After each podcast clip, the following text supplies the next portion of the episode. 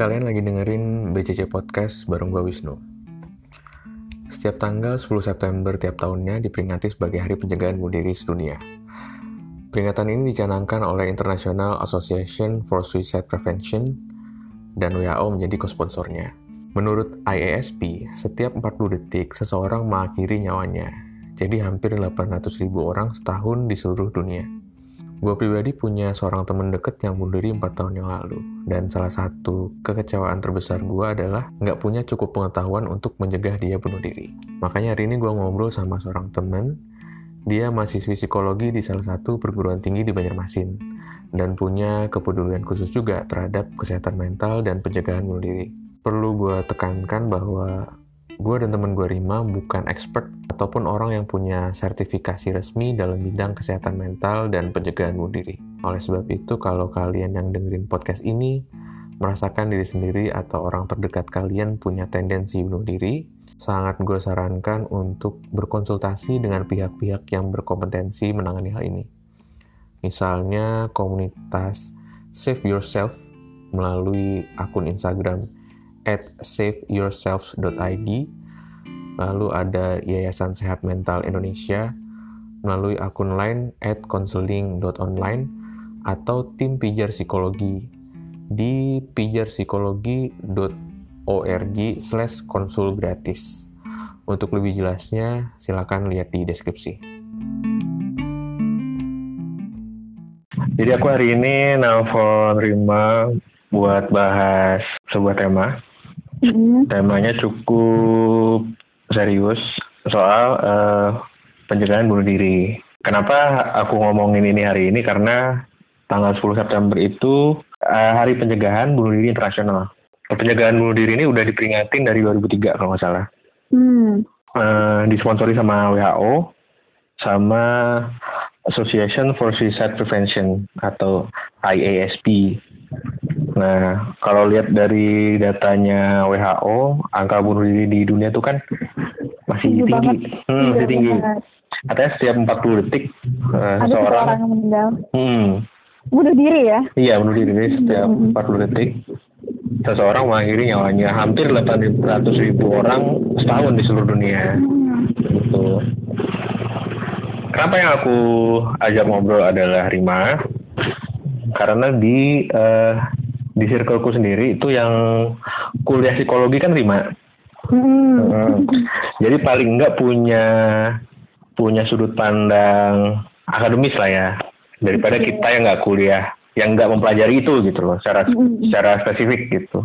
Kalau aku pribadi ah, memang ada pengalaman buruk tentang bunuh diri. Hmm. Nah, jadi aku masih ingat tanggalnya 23 Desember 2016 uh, aku punya teman dekat yang dia memutuskan untuk bunuh diri. Uh, ada dia punya masalah pribadi, terus hmm. agak tertutup. Jadi kita juga mau apa? Mau cari tahu, mau deketin juga waktu itu agak kesulitan gitu loh. Hmm. Itu juga yang agak disesali sih, kenapa enggak uh, apa? Lebih awal hmm. uh, untuk nge dia lagi gitu, untuk ngajak hmm. ngobrol gitu paling enggak kan. Itu sih Rem. Nah, Rima sebagai uh, mahasiswi psikologi, uh, emang kenapa sih orang bisa bunuh diri gitu? Mm-hmm. Oke, okay. jadi yang Rima tahu kak beberapa alasan sebenarnya alasan orang bunuh diri itu variatif banget. Hmm. Tiap orang itu beda-beda. Maksudnya tergantung latar belakangnya, budayanya, alasannya gitu kan. Hmm. Dan maksudnya kita nggak bisa menyamaratakan semuanya tentang depresi gitu karena ternyata ada juga yang nggak dilatar belakangi oleh depresi itu sendiri gitu oh, gitu. Dirinya, iya ada juga faktor-faktor sosial gitu yang akhirnya memutuskan dia untuk bunuh diri gitu kayak langsung tiba-tiba kepikiran langsung bunuh diri gitu. Nah itu ada juga kasus yang ditemuin seperti itu. Nah jadi memang variatif banget. Hmm. Nah kalau di psikologi sendiri sebenarnya banyak juga um, dibahas gitu apa sih alasan-alasan orang penyebab gitu ya kenapa orang kok bisa jadi punya pemikiran bunuh diri bahkan hmm, sampai mengambil hmm. keputusan dia bunuh diri gitu kan hmm. hmm. nah kalau yang Rima baca-baca juga sebenarnya itu juga berpengaruh dari um, motivasinya motivasi intrinsik motivasi ekstrinsiknya perasaan-perasaan tidak berdaya putus asa gitu kayak mau meluapkan tuh kayak nggak ada didengar gitu kayak rasa putus asanya tinggi terus juga ada juga pengaruhnya dalam uh, proses pengambilan keputusan gitu itu uh. itu hubungannya ke kognitif gitu jadi ada teori kognitif yang menjelaskan bahwa ada pem, ada yang memicu hingga pada akhirnya dia memutuskan gitu pengambilan keputusannya yang membuat dia akhirnya memutuskan untuk bunuh diri gitu. hmm. jadi memang banyak banget alasan-alasan yang melatar belakangi uh, seseorang mau apa bunuh diri. Oh, jadi cukup kompleks. Jadi kita nggak bisa ambil cuman satu sudut pandang gitu doang ya? Iya betul. Cuman kaitannya erat banget sama depresi berarti? Iya, emang rata-rata memang banyak banget yang um, kemarin tadi juga Rima sempat baca ada beberapa ada penelitian juga jurnal yang memang menjelaskan hmm. hubungan eratnya itu memang di depresi dan pengambilan keputusan ada juga tuh penelitian terbaru dari Universitas Cambridge. Jadi dia itu hmm. bilang bahwa pengaruh lain juga adalah um, kondisi otak ternyata. Nah, kondisi otak manusia itu ternyata juga mem dapat memicu uh, apa pemikiran bahkan hmm. keputusan untuk bunuh diri tadi kak. Tapi lagi-lagi ke hubungannya itu uh, ke pengambilan keputusannya. Oh, jadi klinis ya? Ke... Nah, jatuhnya klinis juga. Wow, ribet ternyata. Iya banyak banget. Jadi harapannya sebenarnya kayak penelitian-penelitian gitu kan dilakuin biar oh ini kita tahu nih upaya preventifnya gimana nih. Oh dari sisi klinisnya ternyata dari kondisi otak bisa dibaca, maksudnya bisa diketahui lebih dini. Oh jadi bisa kita ngelakuin uh, pencegahan terhadap orang yang hmm. bisa jadi dari kondisi otaknya kita udah ngeliat nih gitu struktur otaknya gimana gitu. Oh, I see. Uh, kita bisa nggak sih mengidentifikasi gitu, baik mengidentifikasi diri kita sendiri atau uh, orang-orang di sekitar kita yang punya gejala keinginan untuk bunuh diri gitu? Oh, oke. Okay. Ini ada juga dari American Psychology association. Nah, jadi hmm. uh, dari organisasi itu bisa bilang gitu bahwa ini buat kita sendiri mungkin gitu ya uh, bisa ngelihat orang bunuh diri itu dari karakter pertama tuh bisa dilihat dari pola makan sama pola tidurnya kak. Hah serius? Iya, jadi pola makan sama pola tidurnya. Pola hmm. tidurnya gimana? Apakah dia insomnia-nya berlanjut berbulan-bulan? wow. pola tidurnya gimana, terus pola makannya, pola makannya gimana dia kehilangan nafsu makan nggak gitu. Nah hmm. kehilangan nafsu makannya itu gimana? Apakah um, cuman apa ya momen-momen uh, tertentu atau memang dia udah kehilangan nafsu makan itu berhari-hari atau berminggu-minggu kayak gitu. Hmm. Terus juga bisa juga dilihat, oh dia ada nggak sih pemikiran untuk sakit, pemikiran untuk mati gitu itu juga bisa dilihat gitu. Terus biasanya dari pertanyaan pernyataan-pernyataan ambigu orang lain tentang hmm. pemikiran bunuh diri itu juga sebenarnya udah jadi apa ya warning gitu bahwa dia udah punya uh, suicidal thought-nya itu di di otaknya gitu dan oh. dan sebagai langkah preventif bagi kita yang melihat atau hmm. ketemu dengan orang itu ya kita langsung apa ya mencoba untuk lebih peka lah gitu untuk kondisi-kondisi kayak gitu interaksi sama orang lain tuh bisa mengubah ini dia ya uh, pengambilan keputusannya. Hmm. Hmm. Ini agak tricky sih soalnya beberapa case yang aku baca. Kalau aku sendiri uh, hmm. uh, teman aku kemarin um, gimana ya? Dia pernah ngomongin hal ini tapi udah lama banget gitu loh. Hmm. Jadi kami pun teman-teman yang deket itu nggak nyangka dia ambil keputusan itu gitu. Hmm. Uh, tapi cukup ini sih gimana ya kalau dulu mikirnya mungkin karena kesadaran kita dulu kurang ya jadi meskipun dia hmm. ngobrolin itu berkali-kali itu kita nggak anggap serius gitu Hmm, jadi ya. hmm, setelah bertahun-tahun kemudian kan kumulatif ya dia mulai dapat masalah yang lebih berat gitu-gitu. Hmm. Uh, terus dia ambil keputusan itu gitu loh. Iya benar kak. Karena um, pengaruh dari ya gitu juga kayak kepekaan kita terhadap lingkungan juga ya gitu sebagai hmm. orang yang mengamati karena juga jadi salah satu apa ya um, faktor juga tuh ya mempengaruhi dalam si orang ini nanti ngambil keputusannya gimana. Ada juga yang cerita kalau nggak ada tanda-tandanya memang mm-hmm. kelihatannya orang ceria aja gitu, masih iya, ngobrol iya, biasa, tahu-tahu uh, dia ambil keputusan itu spontan. Mm-hmm. Nah, jadi kalau di psikologi itu kak ada hmm. teori dari uh, namanya Sigmund Freud. Jadi hmm. dia itu dia bilang bahwa sebenarnya tujuan akhir dari kehidupan itu adalah kematian gitu. Jadi memang Hmm. pemikiran-pemikiran untuk mati, pemikiran-pemikiran untuk mengakhiri hidup itu akan selalu ada di diri manusia sebenarnya gitu. Hmm. Jadi uh, ada bahkan yang memang pemikiran itu tuh spontan, spontan. Karena Oke. memang katanya itu memang udah ada di diri manusia gitu kata kata si teori itu gitu. Jadi memang kita nggak bisa mem- meng- apa ya menghapus sepenuhnya keinginan Oh, orang untuk mati oke. itu. Karena memang udah ada insting itu di dalam diri manusia. Nah bisa jadi kayak yang tadi orang-orang yang sebenarnya nggak kelihatan tuh gejala-gejalanya bahkan em, orang kiranya biasa-biasa aja dia fine-fine aja tapi Hmm. ternyata dia mengambil keputusan itu bisa jadi itu ke- keputusan yang sebenarnya spontan banget dia ambil tanpa Hmm. pemikiran sebelumnya tanpa ada maksudnya em, ada masalah-masalah berat sebelumnya spontan Hmm. aja gitu Hmm. Oh ini kadang-kadang nggak akumulatif ya kadang-kadang memang dia dapat masalah waktu itu terus pikiran dia langsung ke situ aja gitu. Iya benar karena kata si teori itu kata Hmm. Freud itu memang ke manusia itu hakikatnya memang punya pemikiran untuk untuk untuk mati gitu untuk memikirkan kematian memang ada gitu. Hmm, Aku pun pernah sih. Nah Berarti berarti itu bukan ini ya.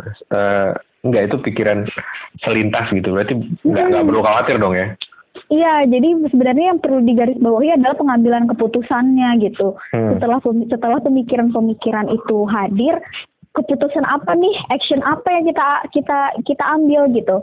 Nah, Hmm. buat kita yang mungkin motivasinya masih bagus, terus kita juga oh tuh hanya em, pikiran-pikiran yang cuman ya selintas doang ya memanggil berarti pengambilan keputusan kita positif gitu. Kita enggak kita Hmm. tidak memilih untuk eh, melakukan hal tersebut kayak gitu. Hmm, gitu. Di Banjarmasin ini ada nggak sih organisasi NGO atau pemerintah gitu yang menangani ini gitu? Soal bunuh diri dan kesehatan mental secara umum gitu.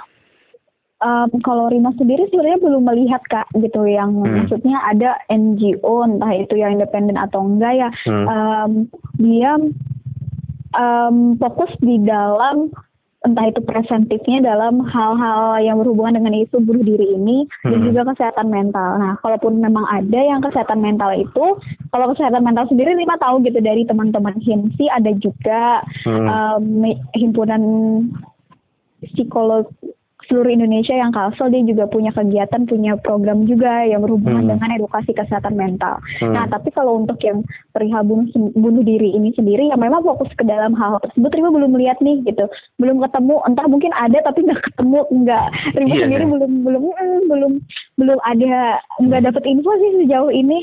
Se- Sejauh ini kan kita browsing-browsing belum ada ya yang lokalan benar. gitu. Ha. Ah, ah.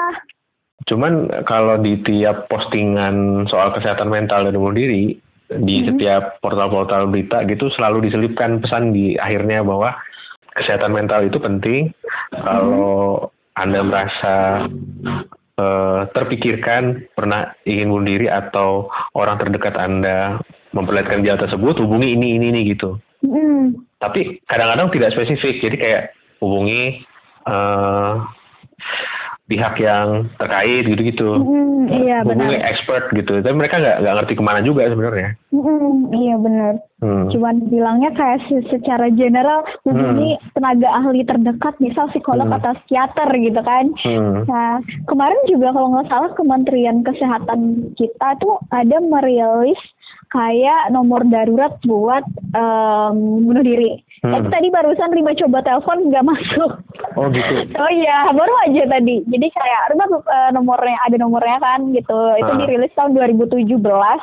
Tapi Hmm. pas Rima coba tadi eh, nggak ke nggak nomornya yang dituju tidak dapat dihubungi. Aku pernah baca artikel katanya Hmm. itu tidak diaktifkan lagi karena kebanyakan yang nelpon itu untuk eh apa ya untuk Iseng kepentingan ya? lain iya ada yang iseng ada Ah, ah. kepentingan lain ada yang ada yang cuma aduh saya sedih nih gitu gitu Oke, buat curhat ya. iya kayaknya gitu kalau nggak salah tapi hotline itu penting sebenarnya sih kalau di luar negeri Iya ada benar. Terus aku pernah dengar cerita si eh, ada penyanyi Adito Pramono itu, Hmm? eh, dia kan penyanyi sama penyiar radio. Dia dulu katanya pernah punya masalah kesehatan mental. Terus dia kan pernah sekolah di Australia. Terus waktu dia punya masalah itu dia lagi di Indonesia. Hmm. Karena dia nggak ngerti siapa yang harus dia hubungin, yang dia hubungin adalah nomor penanganan kesehatan mental dari Australia. Jadi dia di Indo, Oh, oke. dia telepon ke sana dan tetap dilayanin sama mereka gitu. Katanya angka bunuh diri di Indonesia itu sebenarnya eh, terbilang rendah nggak sih katanya gitu ya? Terbilang rendah tapi angkanya terus naik gitu. Hmm, iya Rima baca gitu juga di berita Hmm. tadi.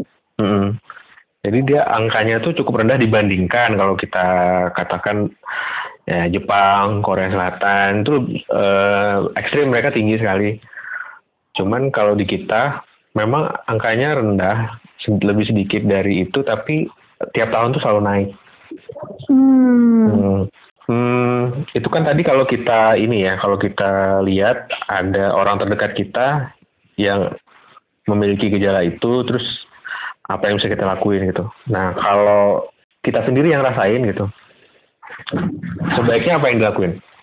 Em, kalau diri sendiri ya kak ya, jadi Hmm. sebenarnya kalau diri sendiri kan banyak banget juga faktor yang mempengaruhi kayak misal kayak kondisi kepribadian kita gimana gitu kan. Hmm. Nah, memang kayak ada teman-teman yang mungkin Lia nggak um, Rima ingat banget ada pesan dari dari seorang psikolog di dosen Rima bilang gini, Hmm. kadang pengaruh kepribadian juga mempengaruhi cara orang em, menyelesaikan masalahnya gitu. Oke. Jadi misal nih kita nggak bisa juga memaksakan orang untuk ketika lagi ada lagi ada masalah dia harus cerita ke kita gitu Hmm. gitu kan. Nah, tapi em, yang penting adalah kita tahu cara coping stres kita gimana, cara katarsis kita gimana gitu. Nah, jadi penting banget tuh misalnya kita tahu kalau kata beliau, kalau aku lagi ada masalah aku nggak mau cerita sama orang, tapi aku nulis biasanya kata beliau. Hmm. Aku luapin semuanya dalam tulisan sambil nangis-nangis kayak apa gitu, tapi aku nggak mau orang lain tahu gitu. Nah, ada juga yang memang orang-orang yang kayak Rima nih, Rima tipikal Hmm. orang yang suka cerita, tapi hanya pada orang-orang tertentu kalau lagi ada masalah gitu. Hmm. Nah, itu yang penting. Jadi kalau em, kita lagi ada masalah gitu, kita penting tahu em, gimana cara kita untuk rilis dari masalah tersebut gitu. Dan menyesuaikan dengan em, kita nyamannya di mana gitu. Nah, itu yang pertama. Kalau itu memang terjadi sama diri kita sendiri. Hmm. Terus juga meningkatkan motivasi intrinsik. Motivasi intrinsik itu bisa dengan kayak kita mencoba untuk melatih eh, dengan apa ya? em, melatih kebersyukuran kita gitu kan. Hmm. Terus juga melihat fokus pada oh hal-hal yang positif dan bermakna gitu. Jadi misalnya apa ya? me- karena penting kayak perspektif, mindset itu tuh sangat sangat mempengaruhi juga ketika kita ngomongin soal bunuh diri ini tadi. Karena kayak pengambilan keputusan ujung-ujungnya kognitif kita gitu yang yang bisa jadi menentukan langkah apa selanjutnya yang kita ambil setelah pikiran-pikiran bunuh diri itu muncul. Nah, bisa juga misalnya kita meningkatkan motivasi intrinsik kita, kita coba untuk melihat hal-hal yang eh, bermakna gitu buat hidup kita, meyakinkan bahwa oh eh, kehadiran kita itu ternyata bermakna ya gitu, Hmm, kehadiran hmm. kita itu berguna gitu dan apa rasa-rasa putus asa itu juga ternyata mempengaruhi banget ke ke keputusan untuk bunuh diri tadi kak gitu. Jadi beberapa memang penelitian menunjukkan rasa putus asa itu juga menjadi faktor yang sangat Hmm. apa ya mempengaruhi gitu. Nah Hmm. keputusasaan kayak gitu kan kita meyakin bisa kita yang meyakinkan diri gitu. Semuanya balik ke diri kita gimana ki- cara kita memandang sesuatu gitu. Nah Hmm. itu bisa dilatih dengan uh, keseharian kita. Terus juga penting banget juga kita cari support system Hmm. gimana kita bisa berkumpul dengan orang-orang yang memang baik gitu untuk uh, mental kita gitu mereka yang Hmm. suportif gitu terus juga pendengar yang aktif yang ketika kalau kita lagi ada masalah mungkin mau mendengarkan atau nggak mau Hmm. mendengarkan setidaknya dia tahu gitu um, apa yang sedang kita kita rasakan kayak gitu Hmm. Nah mungkin itu sih gitu Hmm, kadang kita nggak nggak ngerasa kan, padahal eh, teman-teman tuh care, cuman iya iya kita aja nggak nggak peka gitu. Kita yang Bener. menutup diri kadang-kadang gitu kali ya. iya benar Hmm. Jadi kalau aku tarik kesimpulan tadi, eh, kita harus ngerti eh, cara yang paling tepat buat diri kita sendiri untuk Mm-mm. eh, stress release ya. iya benar Hmm. Oh itu berarti balik ke ini ya, balik ke pemahaman ke Tentang diri kita sendiri. Ah. benar Ada yang mau ditambahin lagi? Eh, mungkin apa ya karena mau karena tadi itu kita memperingati hari pencegahan bunuh diri sedunia ya kayak. Hmm. Jadi uh, Rima mungkin lebih ingin mengajak teman-teman untuk lebih aware terhadap isu ini karena kita ngelihat trennya kayak semakin meningkat tiap tahun gitu. Hmm. Ya bahkan ada orang-orang yang tanpa gejala, tanpa depresi bisa akhirnya mengambil keputusan untuk bunuh diri. Nah untuk kita nih teman-teman yang mungkin apa ya mencoba untuk menjadi sosok yang suportif bagi lingkungannya, kita bisa ngelihat kayak tadi kan udah ada gejala-gejala ya gitu. Hmm. Bisa bisa melihat bahwa oh dari, dari pola makannya, dari pola tidurnya, terus juga dari perkataan-perkataan dia, pernyataan-pernyataan dia gitu. Kita bisa lebih peka, meningkatkan kepekaan terhadap lingkungan sekitar. Terus juga yang paling penting, uh, Bemi mengajak teman-teman untuk menjadi sosok yang suportif dan pendengar yang aktif. Karena sekarang Hmm. itu mungkin salah satu salah satu em, perasaan atau kondisi yang sering Rima temuin di lingkungan Rima adalah ketika dia cerita gitu, em, kenapa akhirnya memilih seperti ini, melakukan Hmm. misalnya Hmm. eh, hal-hal yang apa ya, yang sangat tidak baik buat kesehatan mentalnya gitu. Dia bilang Hmm. bahwa aku nggak nemuin teman yang bisa dengerin aku Rin. Aku kayak lingkunganku tuh kayak apa ya, nggak ada yang support gitu. Wah, Rima bilang padahal 26 juta orang di Indonesia gitu, itu bukan angka yang sedikit gitu. Kenapa kok Hmm. bisa sampai ada orang-orang yang ketika lagi ada masalah dia nggak menemukan sosok yang suportif itu. Hmm. Maka dimulai dari diri kita sendiri nih gitu. Ayo kita coba mulai dari kita sendiri, mencoba ketika ada teman-teman yang memang mau mau curhat, kita menjadi pendengar yang aktif, jadi objektif tanpa em, ada perasaan untuk menghakimi Hmm. atau apa ya me- merendahkan terhadap masalah yang ia hadapi benar-benar kayak mendengarkan secara asertif benar-benar apa yang dia katakan gitu. Nggak usah maksudnya kita nggak muluk-muluk harus bantu dia ini dan segala macam. Cukup dengerin aja itu sudah membantu banget bagi mereka yang emang lagi struggling itu kak. Nah Hmm. itu mungkin em, dari Rima. Oke. Eh, thank you banget Rim. Udah mau diajak ngobrol-ngobrol hari ini. iya sama-sama Hmm.